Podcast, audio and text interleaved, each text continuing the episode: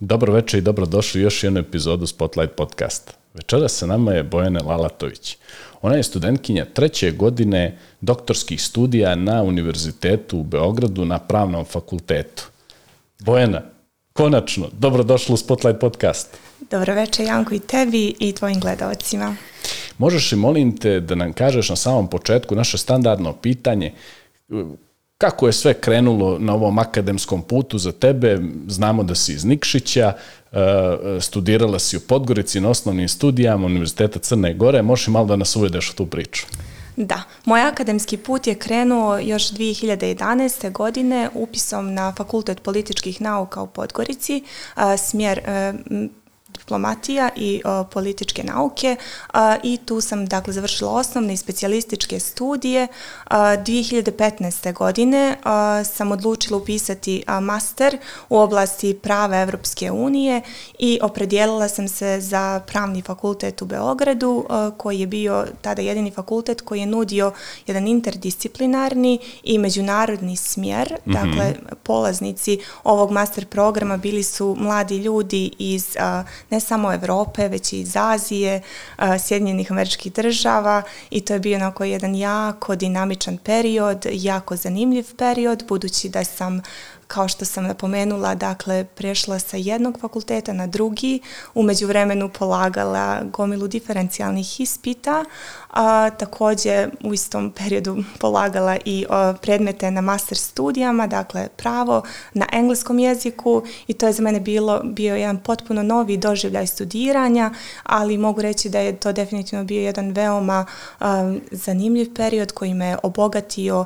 i u tom naučnom smislu, takođe u interpersonalnom, u ličnom smislu i uh, Tako da se vrlo rado sjećam tih e, momenata. Vrlo često moji gledalci mi kažu, Janko, ti onako kreneš od osnovne škole i tako dalje, molim te pređi na stvar, ali nikako ne smijem nekada da prenebregnem činjenicu da većina mojih e, gostiju poput tebe su nosioci diplome Luča i u osnovnim, e, osnovnoj školi i u srednjoj školi, tako da reci mi, molim te, nekako prirodno je za tebe bilo da ti nastaviš studije na Univerzitetu Crne Gore, međunarodni odnosi, je li tako? tako opet prosjek 984 u samom vrhu, ako ne u top 3 studenta generacije. E, šta je konkretno presudno na tebe uticalo da svoje jeli, dalje akademsko nadgrađivanje nastaviš u Beogradu? Koji su to neki osnovni razlozi? Uh, brojni su faktori koji su doprinijeli ovakvoj odluci. Dakle, kada je riječ o tom nekom akademskom uglu, zbog čega baš pravo i zbog čega baš pravo Evropske unije, mm -hmm. dakle, nakon završenih osnovnih i specijalističkih studija na političkim naukama, imala sam dojam da sam zagrebala različite naučne oblasti i sociologiju, i istoriju, i političke nauke, i pravo, a nekako nisam uspjela pronaći pronaći tada određenu vrstu fokusa uh mhm. -huh. gdje bih uh, nekako onako vrlo svjesno rekla da sam se specijalizovala u određenoj oblasti što bi bio kao neki osnov za uh, ulazak na tržište rada. Tako da sam promišljajući tih naročito poslednje dvije godine studija došla do zaključka da mi ipak pravo najviše interesuje i da bih htjela imati taj neki pravni osnov i okvir a, mog budućeg naučno-istraživačkog rada i istraživanja i a, zbog toga je, eto sad, odluka je pala na Univerzitetu u Beogradu budući da a, nisam na vrijeme aplicirala za neke druge master programe koji, koje sam imala negdje na umu, ali svakako a, razmišljala sam u pravcu da je to samo prvi korak mm -hmm, i da onda nakon određenog vremena a, će doći takođe i moment kada ću pisati neke uh, studije na nekom drugom prestižnom evropskom ili američkom univerzitetu. Viš, e, to je jako zanimljivo. Ja se sjećam, mislim da je taj konkretno program na univerzitetu pravnom fakultetu Univerziteta Crne Gore pokrenut negdje 2002. treće godine i sjećam se tada su bila neka tri usmjerenja, bila je žurnalistika, međunarodni odnosi, neka bude neka javna uprava, ili nisam baš siguran e, za to treće i sjećam se dilema još tadašnjih studenta prve generacije da nekako nijesu mogli u, u, svom tom nekom galimatijasu predmeta konkretno da nađu neko usmjerenje, tako da je usmjerenje obično e, e, jeli, e, došlo u momentu specijalističkih studija, da ne kažem master, master programa. E, reci mi, ti si u nekom momentu e, studija na masteru, ako sam ja dobro razumio, aplicirala na neke međunarodne programe razmjene kao što je Erasmus Plus i u nekom momentu završila u prelijepom Rimu, je li tako? Tako je, upravo, upravo tako. Dakle, e, sam proces apliciranja za taj Erasmus Plus program je bio dosta pa da kažem onako i neočekivan, a, a ispostavilo se naravno da je bio sjajan izbor, a, da bih a, bila a, u poziciji da apliciram za tu Erasmus Plus stipendiju, um, bilo je potrebno poništiti tri ispita koje sam položila, tri poslednja ispita na svojim master studijama u Beogradu. I su li to bile desetke? To su bile desetke. Ja, majko. I to je bilo pravo, ljudsko, um, to su bila ljudska prava, mm -hmm. dakle kao što znamo, um, to je predmet na pravnom fakultetu koji je jako obiman, koji zahtjeva uh, dubiozno proučavanje različitih studija slučajeva pred Evropskim sudom pravde i pred brojnim drugim sudovima uh, i takođe zahtjeva, zahtjeva dubiozno studiranje budući da postoje različiti sistemi zaštite ljudskih prava i na evropskom nivou i na međunarodnom nivou, naravno nacionalnom nivou i to je sve zahtijevalo ozbiljan trud um, u pozadini te desetke, tako da je odluka bila za mene, onako, imala sam sve to u vidu, ponovo je odluka bila prelaka. Ali znaš kako, malo mi nije jasno, obično uh, uh, intencije da se od nas, od nas traži da, da dodatno položimo neki je li diferencijalni ispit, ti si, ti si morala da poništiš već položeno, onako, kraj, krajnje neobično. tako je, tako je. To su bila ta tri predmeta koji su bile, bili osnov za razmjenu. Aha. Da bih bila, dakle, da bih ispunjavala kriterijume, kriterijume koji su me a, preporučili da apliciram za tu Erasmus Plus stipendiju i kasnije polažem iste, odnosno slične ispite na univerzitetu Roma Tre Roma. Tre, molim te. Ajde daj mi malo tog nekog iskustva i akademskog i profesionalnog i tog kulturološkog šoka. Dobro, Italija je nama ono što se kaže preko bare, jel je u onim danima kad je, kad je čisto nebo, kažu sa Lovćena možemo da vidimo bari, tako da nije toliko daleko, ali u nekom e, fundamentalnom smislu stvarno jeste kulturološki šok, pogotovo za one koji nisu imali možda prilike da, e, jeli, putuju turistički i tako dalje. Možeš mi reći kako je bilo u tvom slučaju? Uh, Italija je bila nekako oduvijek prisutna u mojim promišljanjima gdje bih mogla nastaviti studije. Jesi li govorila jezik prije toga? Da. -hmm. tokom srednje škole sam učila italijanski jezik kao treći strani jezik i također sam sticajem okolnosti um, tokom ljetnjih mjeseci, dakle od perioda još svoje srednje škole, uh, radila u turističkom sektoru u Crnoj Gori hmm. i tu sam bila izložena italijanskoj kulturi, italijanskom jeziku, tako da sam bar tad mislila da sam prilično upoznata sa kulturom italijana. -huh. Međutim, uh, ti neki, da kažem, površni kontakti sa italijanskom kulturom, mislim da mi nisu dali pravi dojam o punoći i o kvalitetu iste. Tako da sam, da, dolaskom u Rim uh, imala priliku da razbijem brojne predrasude, mm -hmm. da kažem italijanima. Mo, možeš konkretno da mi kažeš ovako neki primjer ili, ili nešto dobro, ajde da kažem, e, složenost samog procesa studiranja te dovodi u kontakt sa nekim jeli, e, drugačijim tipom ljudi, to su, to su e, studenti, akademci, ovdje opet e, ako si radila u turizmu tu dođe e, šar, šarenolike profil, e, tako da možeš da me uputiš malo u te razlike. Tako je, apsolutno. Mislim da je to i neka srž otprilike ovog mog kulturološkog šoka, da Aha. kažem, budući da i svakako ću ući u domen generalizacije. Do, naravno. Budući da sam smatrala da su italijani mnogo otvoreni, mnogo srdačni, mnogo prisni, uh, međutim, onaj moj prvi dojam kada sam došla na univerzitet bio, bio, bio osjećaj distance. Aha. Naravno, do momenta dok oni nisu shvatili da ja govorim njihov jezik. Aha i onda se taj osjećaj distance pretvara u kontinuirane pozive da se družimo, da prisustujemo različitim kulturno-umjetničkim događajima, da, dakle, to je potpuno promijenilo moje osjećaj studiranja. Nažalost, e, mnoge od kolega sa univerziteta u Beogradu nisu imali taj, to iskustvo, budući da su nekako se osjećali izopšteno od strane pojedinaca sa fakulteta, budući da ih nisu pozivali, jer nije im se nije im baš bilo možda prijedno govoriti konstantno engleski jezik tokom tih neformalnih druženja, te smo mi koji smo govorili italijanski na neki način bili privilegovani. Uh, ono na što me podsjeća taj period jeste da sam imala priliku da um, se upoznam sa određenim da kažem, ne turističkim atrakcijama Rima, dakle svim onim skrivenim ljepotama Rima koje, za koje znaju lokalci, za koje ne znaju turisti. E, tako smo posjećivali dakle, i neke, dakle osim naravno nekih kulturno-umjetničkih obilježja, posjećivali smo i određene lokale i ta neka mala mjesta koja datiraju još iz vremena prohibicija.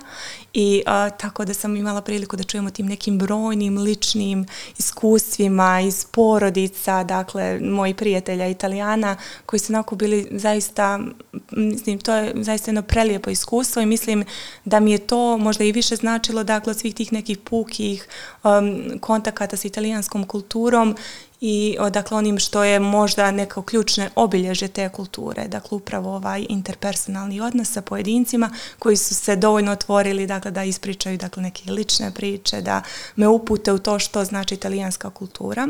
Tu sam stekla dojam da italijani, iako nisam to tako promišljala ranije, da su, uh, imaju mnogo veću crtu tradicionalnosti uh, i da su u tom smislu prilično slični i nama. Uh, Takođe, ono na što me podsjećaju ti dani studija jeste da jeste bio i moment da sam imala i predrasudu da su uh, studenti u velikim svjetskim metropolama na neki način da imaju neko možda i bolje i kvalitetnije znanje od nas sa Balkana. Međutim, to nije bio slučaj i to je još jedna razbijena predrasuda gdje smo uh, svi mi, dakle sa Univerziteta u Beogradu, onako dosta dominirali u tim diskusijama o različitim pravnim, političkim Koliko vas je bilo u grupi? Bilo nas je, um, mislim, oko šestoro. Mm -hmm. Da. I reci mi, ovaj, jeste li znali da imate taj prelivajući efekat sa predavanje u nekim mm, večerima nakon gdje ste se u tim druženjima malo diskutovali o svim tim temama? Pa da, to je bio onako zajednički dojam da iako mi po defaultu nekako smatramo da iako možda i nismo dio ili članica naše države nisu članice Evropske unije, da možda nemamo taj pravi dojam, da nemamo, da ne stječemo dovoljno kvalitetno znanje na našim univerzitetima. Dakle, kroz te diskusije upravo smo imali priliku nekako i da um, dođemo do nekog zajedničkog zaključka da, da naši obrazovni sistemi ipak daju jednu solidnu osnovu ali osnovu koja je ne, neophodna nadgradnja. Tako Jasne. da upravo su ti neki možda i Erasmus plus programi, brojne druge stipendije za studiju inostranstvo iz tog razloga i ključni, jer obezbjeđuju dakle, jednu vrstu nadgradnje gdje mlada osoba sa prostora Zapadnog Balkana ima priliku zaista uvidjeti potencijal sobstveni i ima priliku također dobiti neke pozitivne primjere a, svojih vršnjaka ili zajednice u kojoj boravi i na kraju možda kad po povratku u vlastitu državu iste primjere nekako pokušati implementirati u vlastitoj zajednici. Mislim da je to određeni osjećaj osnaženja koji dolazi nakon takve vrste iskustava.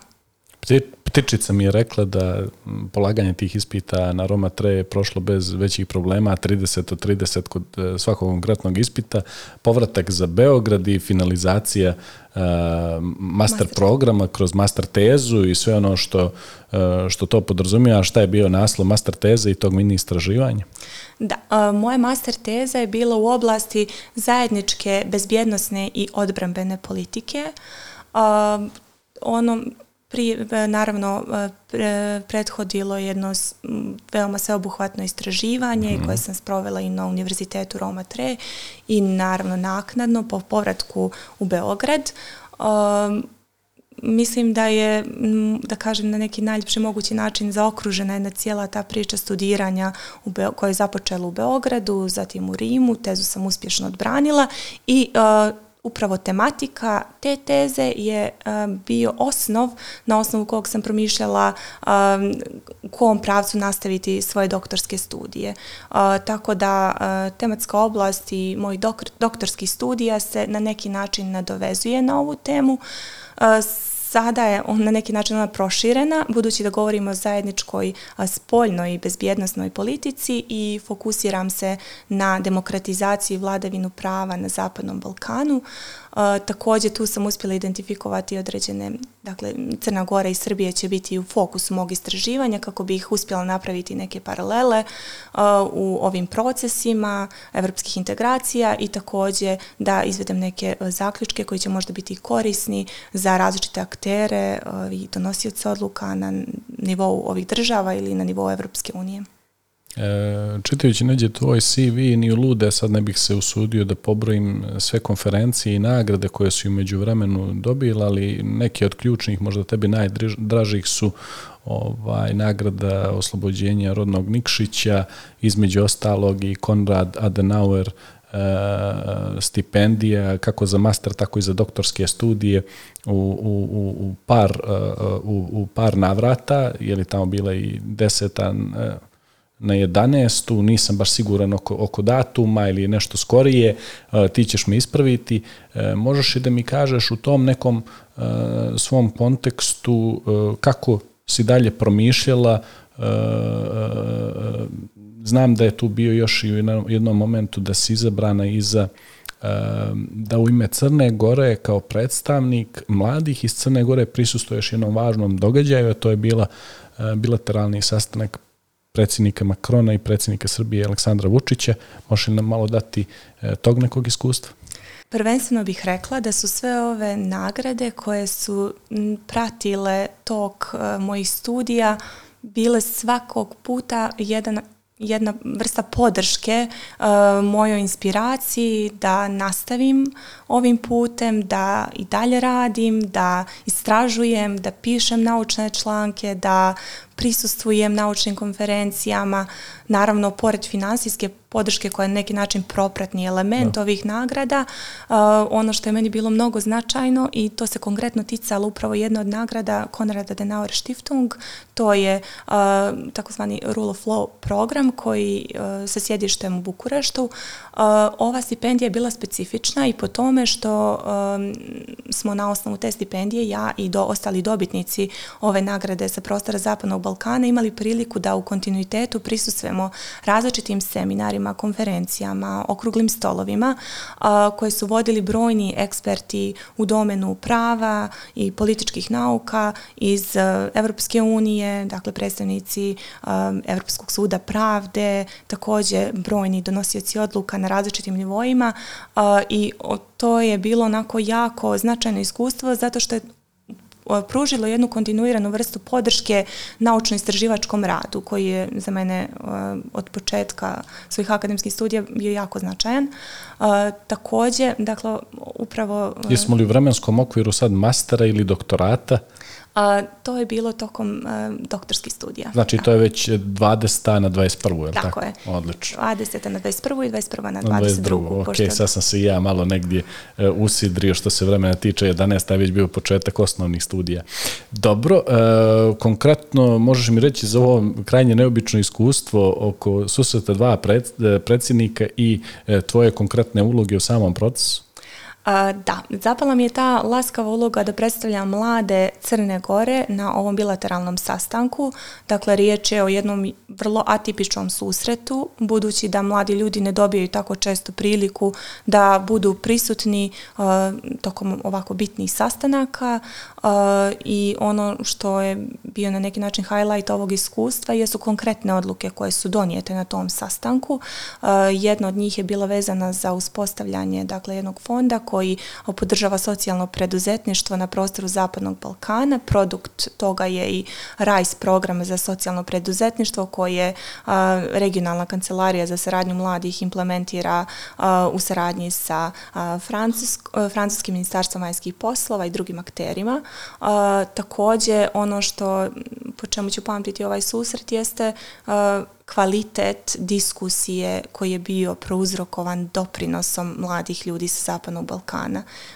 Zaista mislim da je to bio, bio najbolji pokazatelj potencijala um, naših zemalja, budući da su oni svi besprekorno predstavljali svoje države, mlade ljude iz svojih država i vrlo jasno stavili do znanja što su problemi sa kojima se suočavamo i dali vrlo jasne preporuke tokom sastanka. I pretpostavljam ucementirali svoju ulogu sebi i budućim generacijama da takve vrste susreta ni u kom slučaju ne prođu bez e, mladih ljudi.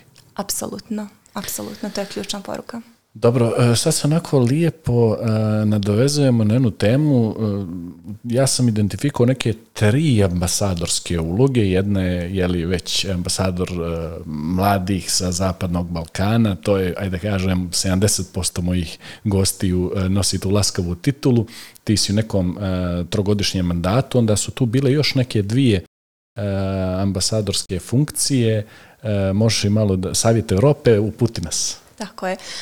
Da, sve je to započelo upravo ovom titulom predstavnika mladih sa Zapadnog Balkana u okviru zvaničnog komunikacijenog programa Evropske unije za Zapadni Balkan po mom mišljenju ključna intencija jednog takvog sveobuhvatnog programa bila je u tome da Europska unija na neki način bude sposobna komunicirati sa mladim ljudima na način koji je prijemčiv mladim ljudima i na način na koji će oni zaista razumijeti značaj europskih integracija za njihova društva i uopšte za potencijal razvoja njihovih društava i ono što je sa druge strane bilo bitno jeste da Evropska unija prepoznala uh, ključnu ulogu mladih ljudi u ovom sveobuhvatnom procesu i doprinos uh, koji, um, koji mladi um, talentovani ljudi, dakle budući da je struktura mladih ljudi jako različita i obično oni imaju određenu karakteristiku po kojoj se i prepoznaju i kojom doprinose uh, obogaćujući, um, obogaćujući ovaj proces komuniciranja Evropske unije sa našim državama i sa našim društvima. Uh, osim te titule, uh, naveo si da i titulu um, zbog doprinosa izgradnji kohezije na prostoru Zapadnog Balkana koja mi je dodijeljena u okviru Jadransko-jonske inicijative i također kroz ovaj angažman imala sam priliku i da prisustujem brojnim konferencijama na visokom nivou, da također budem glas mladih ljudi iz cijelog regiona Zapadnog Balkana i da i kako naglasim koji su, što su stvari na kojima se može raditi kako bi uslovi života u regionu Zapadnog Balkana bili bolji i kako ne bi imali 70% mladih ljudi koji žele napustiti e, iz bilo kog razloga. Ili naš našu zemlju ili e, region Zapadnog Balkana. Uh, takođe... Imam utisak da negdje Evropska komisija, Evropska unija uh, upravo kroz sve te neke inicijative uh, žele da formalizuju jednu komunikaciju među mladima i da ih na neki način, jeli, kroz te kanale komunikacije, komunikacije mladih iz prostora Zapadnog Balkana prema Europskoj uniji i komunikacije međusobno. E, konkretno, možeš li da mi kažeš šta je neki tvoj utisak, kako komuniciraju mladi e, Zapadnog Balkana, da li su oni opušteni u toj komunikaciji, da li bolje komuniciraju kod kuće ili na strani preko programa kao što su Jugrad i Erasmus+. Daj nam malo tog još e, momenta u nekih narednih dva minuta i onda idemo na prvu pauzu. Kada je riječ o e, interakciji mladih ljudi na Zapadnom Balkanu. E, nažalost, moram na početku navesti neke negativne trendove koji su jako prisutni u istraživanjima. Jako nam je bitno da i njih ispotenciram. Tako je. To je definitivno porast etnocentrizma i statistika koja pokazuje da su nekad mladi ljudi manje tolerantni od njihovih starijih sugrađana i da uh, otpor prema različitim grupacijama, ka marginalizovanim grupacijama i te kako je u porastu. Tako da su ovi programi iz tog razloga jako značajni kako bi mladi ljudi bili u stanju uspostaviti međusobni kontakt i na taj način uh, doprinositi izgradnji dobrosusjedskih odnosa. Program Mladi evropski ambasadori u tom smislu je sjajan uh, zbog toga što upravo omogućuje jedno povezivanje koje je suštinsko, dakle ne na tom površnom nivou gdje može doći do dodatnog razvoja predrasuda i stereotipa među mladim ljudima, već na jedan suštinski način koji obezbjeđuje različite prilike za upoznavanje, za izgradnju odnosa, za premošćavanje određenog jaza koji postoji među pojedincima iz različitih grupacija i na taj način se grade odnosi i uh, uslovi za jednu stabilnu i prosperitetnu budućnost Balkana. Super. duguješ nam još gdje bolje komuniciraju kod kuće ili na strani, a to ćemo nakon kratke pauze i naravno u drugom dijelu pričamo o tvojoj profesionalnoj karijeri, o tome šta je Rajko i šta je ono što sve ti danas radiš. Vidimo se nakon kratke pauze. Evo nas nakon kratke pauze sa nama Bojana Lalatović, e, treća godina doktorskih studija u Beogradu, međunarodno pravo. E, Bojana, stali smo kod ovog dijela, reci molim te da li se mladi Balkanci e, bolje povezuju kada su na nekim programima razmjene ili kada su kući i zbog čega već anticipiram da se mnogo bolje povezuju negdje vani. To je sjajno pitanje. Kada, kada promišljam o tome, uvijek se sjetim jednog veoma zanimljivog iskustva u Austriji na Europskom forumu Albach, koji je okupio mlade ljude iz gotovo svih država na svijetu. I uh, sjetim se upravo tih balkanskih večeri koje smo organizovali mhm. za ostale internacionalne studente koji su prisutni i uh, tokom tih uh, večera imali smo priliku da prezentujemo vlastitu kulturu, istoriju, uh, određenu, dakle, tradicionalne specijalitete, muziku. Kako dojam... neko sustane, priča ili se pravi PowerPoint prezentacije sa sve? To je, da, bila je više neformalna diskusija. Ok, dobro. U prisustvu. Da li je nekad neko znao da donese neke ono tipa na, narodnu nošnju i tako dalje? Apsolutno, apsolutno. I narodnu nošnju i specijalitete i sve ostalo. Majko dojam mladih ljudi iz cijelog svijeta je bio da oni ne mogu naći razliku između tih kultura, budući da je muzika jako slična, da su tradicije također jako slične. Čak bi mi međusobno promišljali, o da, pa i mi imamo takav običaj, malo je drugačiji, ali to je taj običaj. I ono što mogu da kažem jeste da je sinergija koja je postojala među nama na tim okupljanjima bila fantastična. I sjećam se dakle svih zajedničkih poduhvata na kojima smo radili, to kako smo se mi međusobno razumijeli, koliko smo sarađivali. Šta misliš da je ključni uzrok? Je li to neka opuštenost, e, izloženost raznim uticajima i prisutnost drugih mladih ljudi širom svijeta ili, ili tu postoji neki drugi faktor?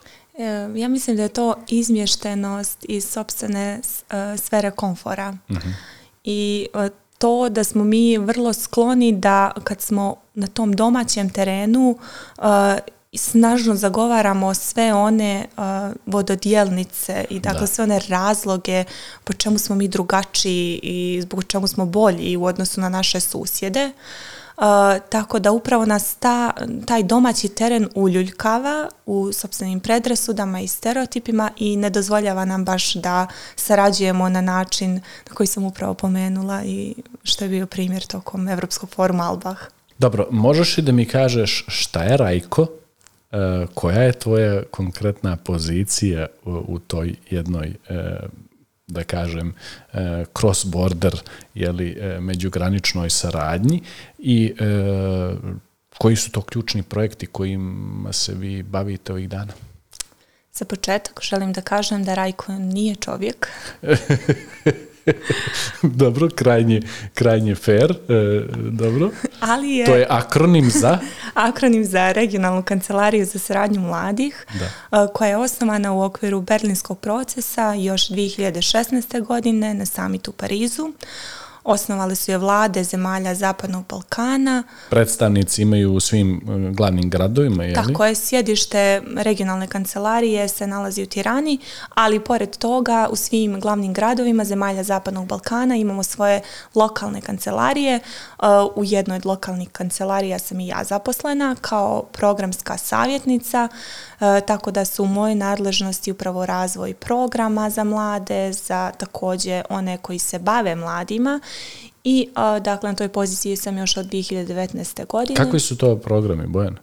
Dakle, programi, mogu da kažem da je ta neka esencijalna karakteristika ovih programa upravo uz mobilnost mladih i da je osnovni pred, preduslov za jedan program kako bi nosio jedan rajk obilježje je upravo da mora doći do dakle susreta mladih ljudi koji pripadaju različitim nacionalnim, etničkim, vjerskim grupama i dakle brojne su mogućnosti za povezivanje tematske oblasti na osnovu kojih se mladi povezuju i na kojima rade su različite, tako da imamo brojne programe socijalnog preduzetništva, programe volonterskih razmjena, također super škole program koji je jako značajan zbog toga što po prvi put formalni sistem obrazovanja ima snažniji uticaj i uključen je uopšte u procese kojima se Rajko bavi.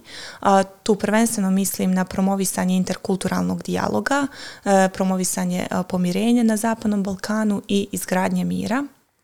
To može zvučati ovako malo pomirenje među mladima, rogobatno, e, međutim jako je značajno zbog, to, zbog različitih fenomena e, kojima nažalost svjedočimo e, i koji su vrlo prisutni u našim društvima.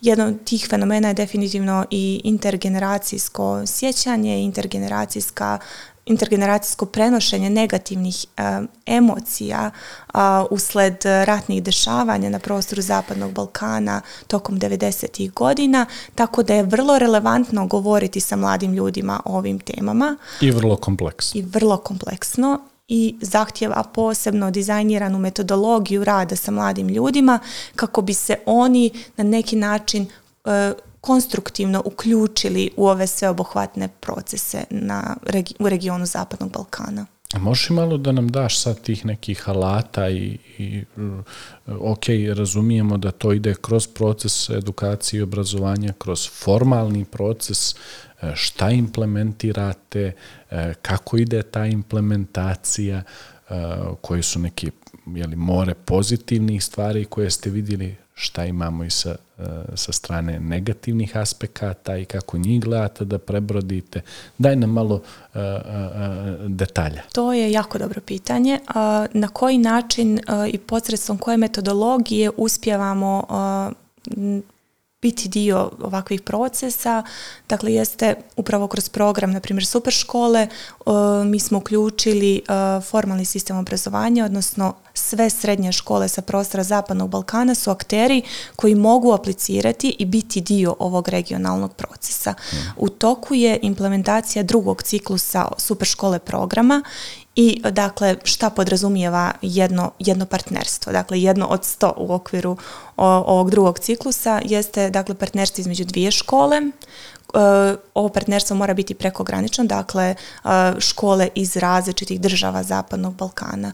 I tokom ovog ciklusa implementacije e, dešavaju se dvije razmjene. Dakle, jedna razmjena se dešava u lokalnoj zajednici jedne od partnera partnerskih škola u okviru programa, dok se druga razmjena dešava u lokalnoj zajednici drugog partnera. U međuvremenu, naravno, se dešavaju brojne aktivnosti u kojima su mladi ljudi uključeni ono što, što mi smatramo da je možda ključno obilježje ovog programa jeste da e, kroz srednje škole sa prostora Zapadnog Balkana mi zapravo imamo outreach ka, ka svim grupama mladih ljudi. Dakle, to nisu samo mladi ljudi koji su aktivni i koji su i tekako već prisutni u ovom sistemu neformalnog obrazovanja, dakle njih, da kažem, u prosjeku 20%, samo 20% sa prostora Zapadnog Balkana, već su to sve grupacije. Da kažemo koji su direktno uključeni u sam proces. Tako je, koji su direktno uključeni u sam proces. A, također, akteri na koje se mi oslanjamo u ovom poduhvatu jesu entuzijastični profesori koji imaju viziju izgradnje boljeg društva, koji imaju viziju na koji način priuštiti prilike mladim ljudima koji oni inače nemaju u svojim lokalnim sredinama i oni su snažni saradnici Rajka. Možeš li se odbraniti od entuzijazma profesora naših i nastavnika? Ovaj, svi znamo koja je to, koja je to energija. E, reci mi malo tog utiska, daj mi tog utiska. Sjajna energija. Upravo, dakle, prethodnih mjeseci radila sam na, to su bile takozvane sesije koje su imale za cilj da razvijemo program razmjena, dakle koje nam sad slijede od kraja aprila svi ti sastanci mogu da kažem iskreno meni ulivaju nadu Pršte od brainstorminga. Apsolutno. I od ideja, i od toga na koji način mladi ljudi trebaju biti uključeni, kakvu ulogu trebaju preuzeti.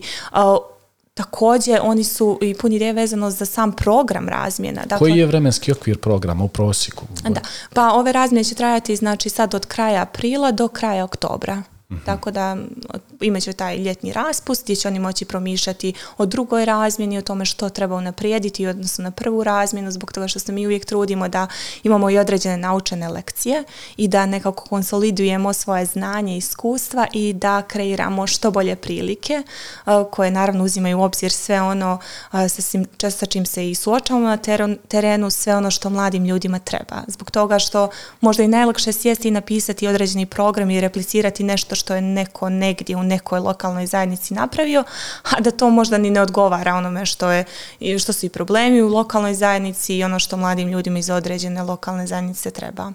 Tako da e, sve u svemu moje iskustvo nakon svih tih sesija sa profesorima, dakle ne samo iz Crne Gore iz regiona, naravno, naravno. su zaista onako fenomenalni utisci i vjera u to da formalni sistem obrazovanja i tekako ima potencijal da doprinose regionalnim procesima i saradnji i pomirenja. Da li Rajko između ostalog e, radi i neku vrstu razmijena naših studenata sa inostranstvom, da kažem nešto što je van konteksta e,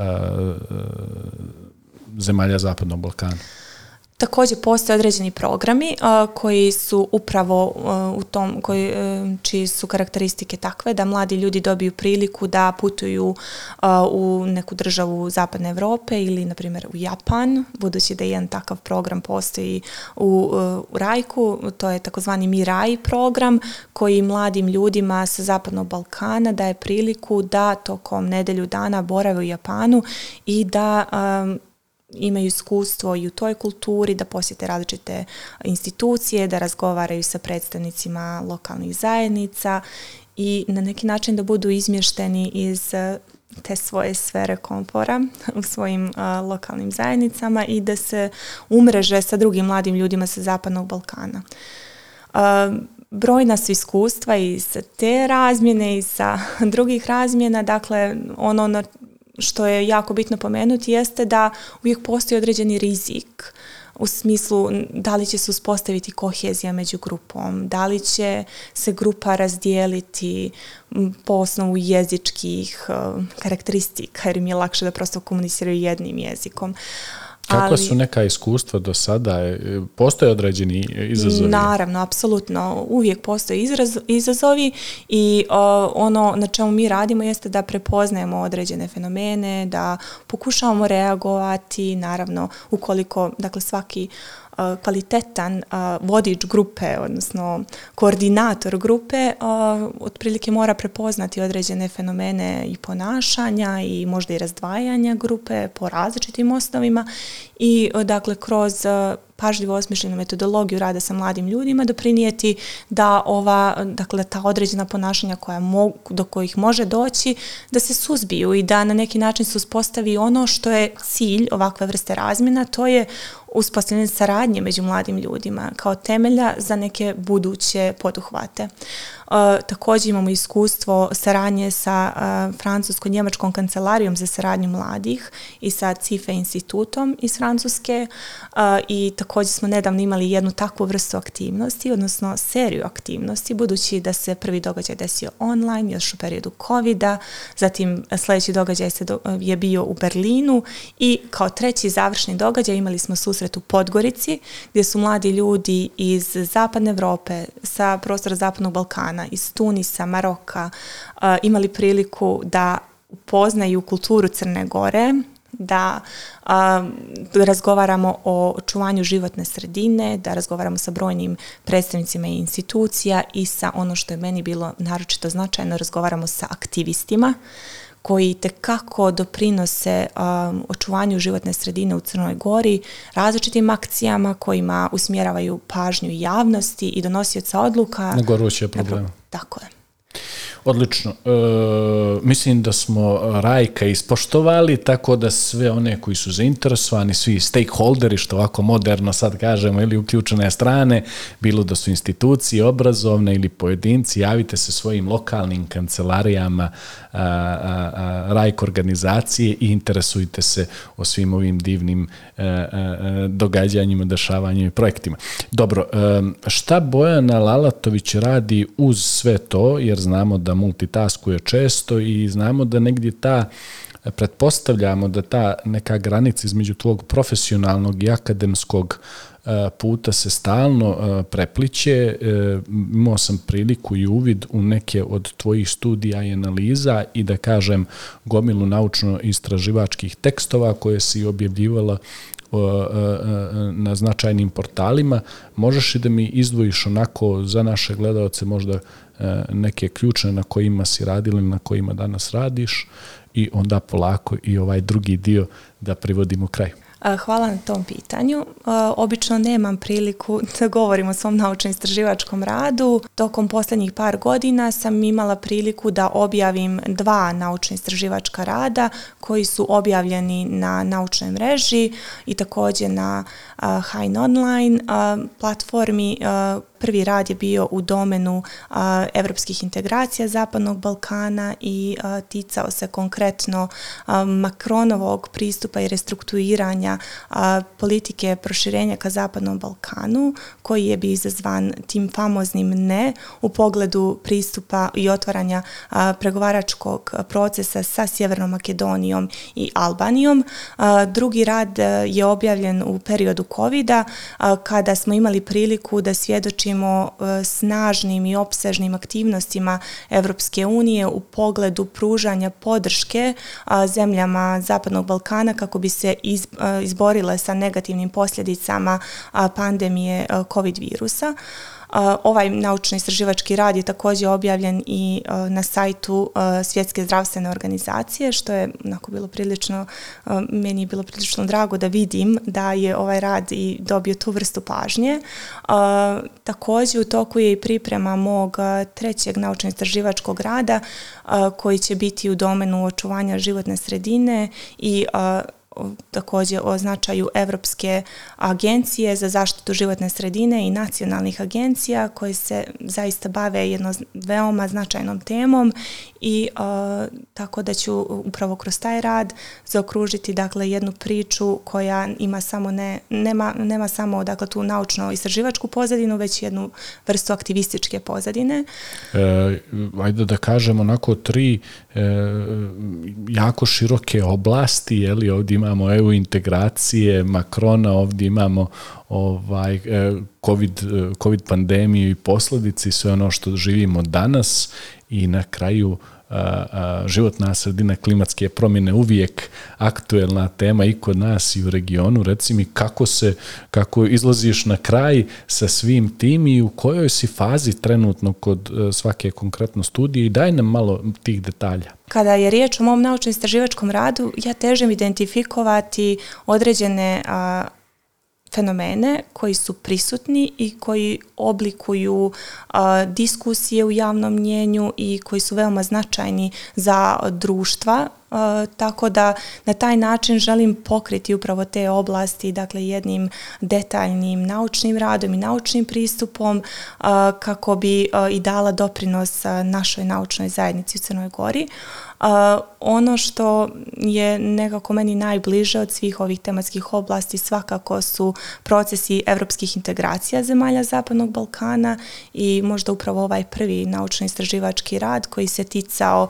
izazova uh, u oblasti politike proširenja i restrukturiranja ove politike.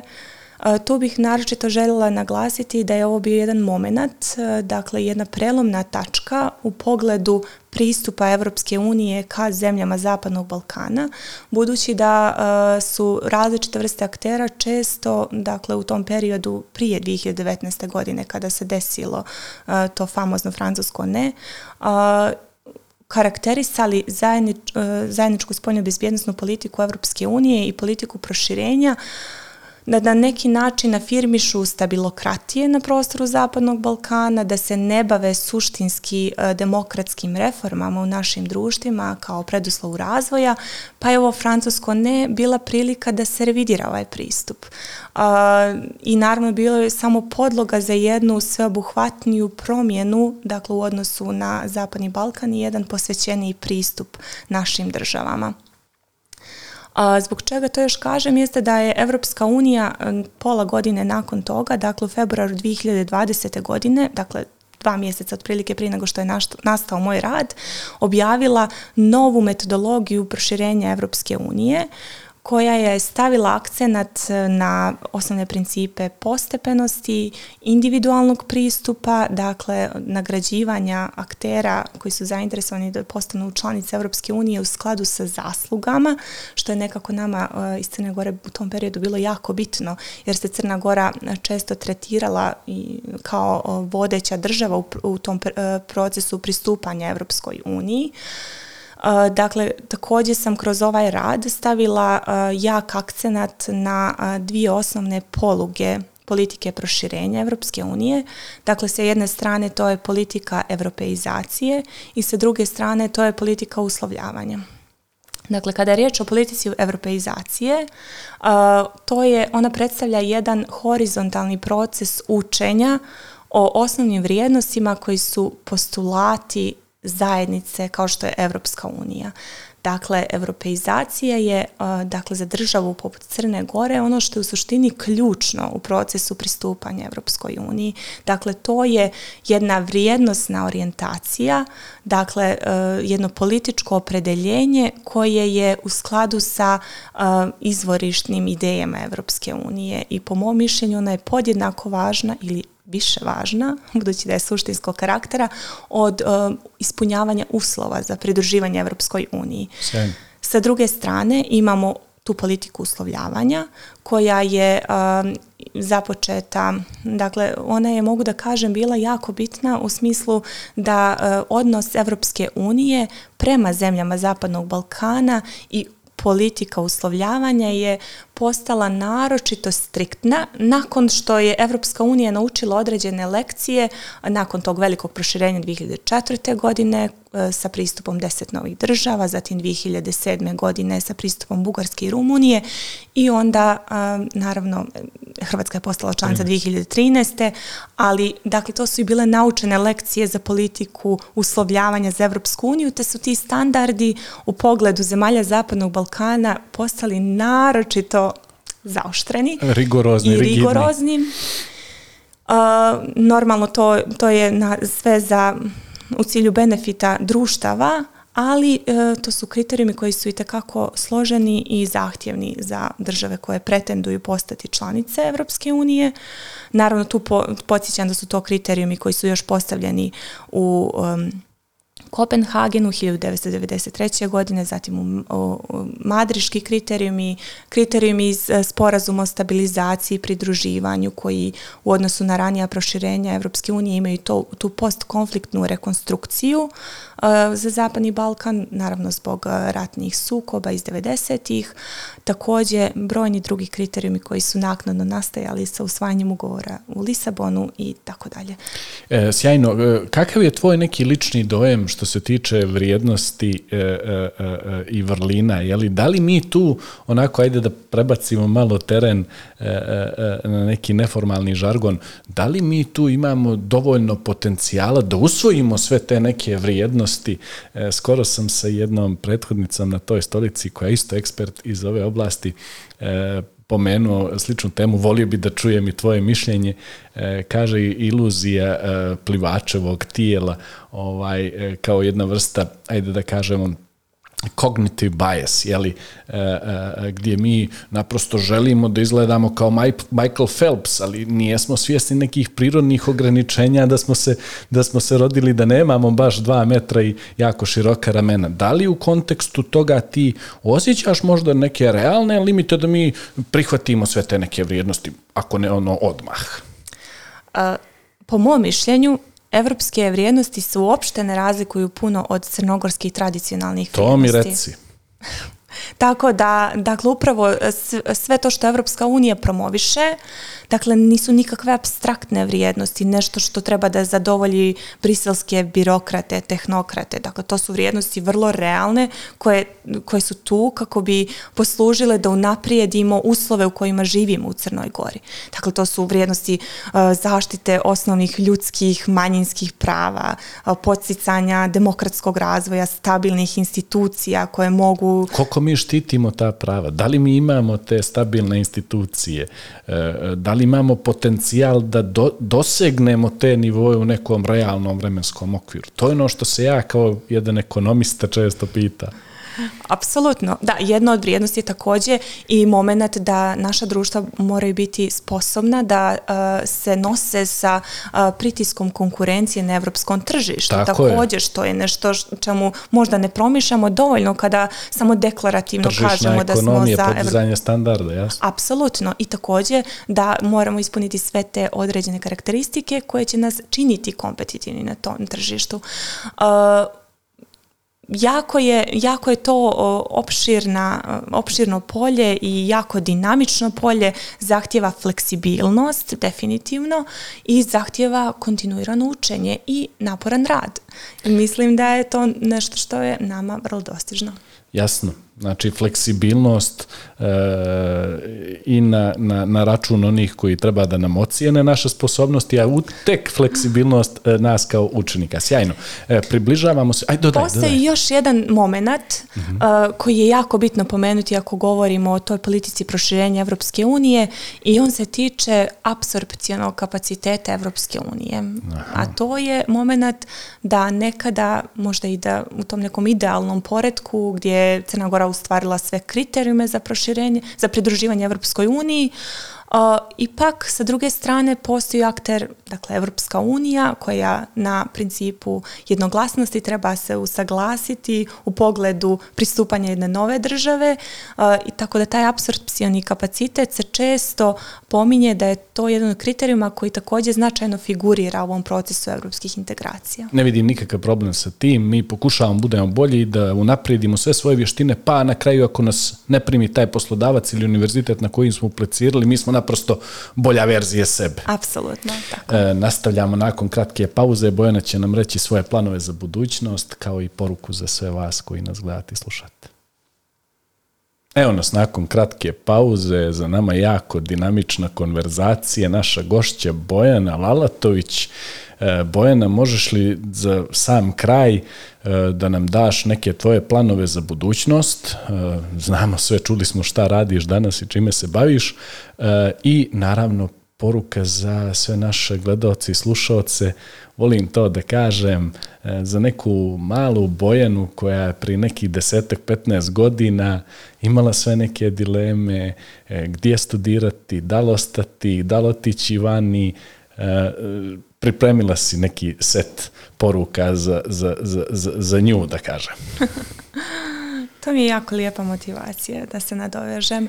Um, kada je riječ o mojim planovima u narednom periodu, uh, to je definitivno uh, da ću se posvetiti pisanju svoje doktorske disertacije. Već sam odradila jedan veliki i značajan dio posla u tom pogledu, dakle naučna istraživanja, naučno istraživački rad je za mnom i takođe istražila sam mnogobrojne presude Evropskog suda za ljudska prava i takođe se bavila tom nekom, nekim dijelom desk researcha koji mi je sada već obezbijedio jednu solidnu podlogu da mogu to finalizovati dakle pisanjem svoje doktorske disertacije. A, Hoće li se pisanje desiti kući ili ćeš malo a, proputovati do nekih e, europskih i svjetskih biblioteka kako bi e, tu neku e, njihovu građu potrebila i, e, da kažem, uvrstila u svoj rad? A, upravo je to bila i zamisao sa početka mojih doktorskih studija da a, na taj način doprinesem kvalitetu svog naučnog istraživanja, time će što ću određeno vrijeme boraviti na nekim a, prestižnim univerzitetima u a, zapadnoj Evropi dominantno, a, tako da je to definitivno i plan za ovaj naredni period uh, i time želim za, nekako zaokružiti lijepo ovaj proces naučno-istraživačkog rada i ponuditi zaista uh, javnosti uh, Crne Gore i naravno Europe, dakle jedan kvalitetan rad sa nekim kvalitetnim porukama na koji način a, dalje. A, kada je riječ o drugom dijelu pitanja. U drugom dijelu prije toga opet ja to uvijek volim da kažem svim mladim ekspertima poput tebe, mojim gostima, učinite se dostupni, ma gdje bili, ma koliko zauzeti bili, Crna Gora vas uvijek treba, da li za neko posebno stručno mišljenje, e, po nekom konkretnom aktu, ovaj, učinite se dostupnim našim institucijama koje svakako trebaju e, stručna mišljenja vrlo često. Tako je, potpuno sam saglasna i upravo je to moja vizija na koji način mladi ljudi koji su ulagali u svoje znanje i vještine trebaju dati doprinos razvoju vlastitih društava. A, a, kada je riječ o mojoj poruci za mlade ljude, a, tu bih naročito željela naglasiti da su mladi ljudi ključna i esencijalna snaga našeg društva, da mladi ljudi, dakle u tom razvoju akademskom treba dakle što više da ulažu i da prave određene odluke koje su možda iz neke kratkoročne perspektive kompleksne, zahtjevi neko odugovlačenje, završetka studija, možda ili bilo šta drugo, ali iz dugoročno posmatrano to su možda prave odluke za njih. Također jedna od bitnijih poruka je upravo ono što si ti malo prije naglasio da imaju u vidu i svoju državu, svoje društvo i to na koji način mogu doprinijeti razvoju vlastiti, vlastitog društva ili lokalnih zajednica, tako da čak i neki bilo kakvi, dakle mali koraci u pravcu napređenja stanja stvari mogu se ispostaviti kao veoma veliki i značajni koraci za razvoj društava. Tako da to je moja poruka mladim ljudima iz naše države. Bojana. Puno ti hvala na ovom gostovanju u Spotlight podcastu i negdje nadam se i želim da vjerujem da će Spotlight podcast ostati negdje u vrhu prioriteta kao jedan kanal komunikacije kada jeli, ti i tvoje kolege budete željeli da nam e, kažete na čemu radite, da zaokružite neku cilinu, da nam prezentirate neki svoj naučno-istraživački rad ili knjigu, tako da se nadam da ćeš nam vrlo brzo ponovo doći u goste. Najljepše hvala, zaista je bilo zadovoljstvo. Hvala Šido.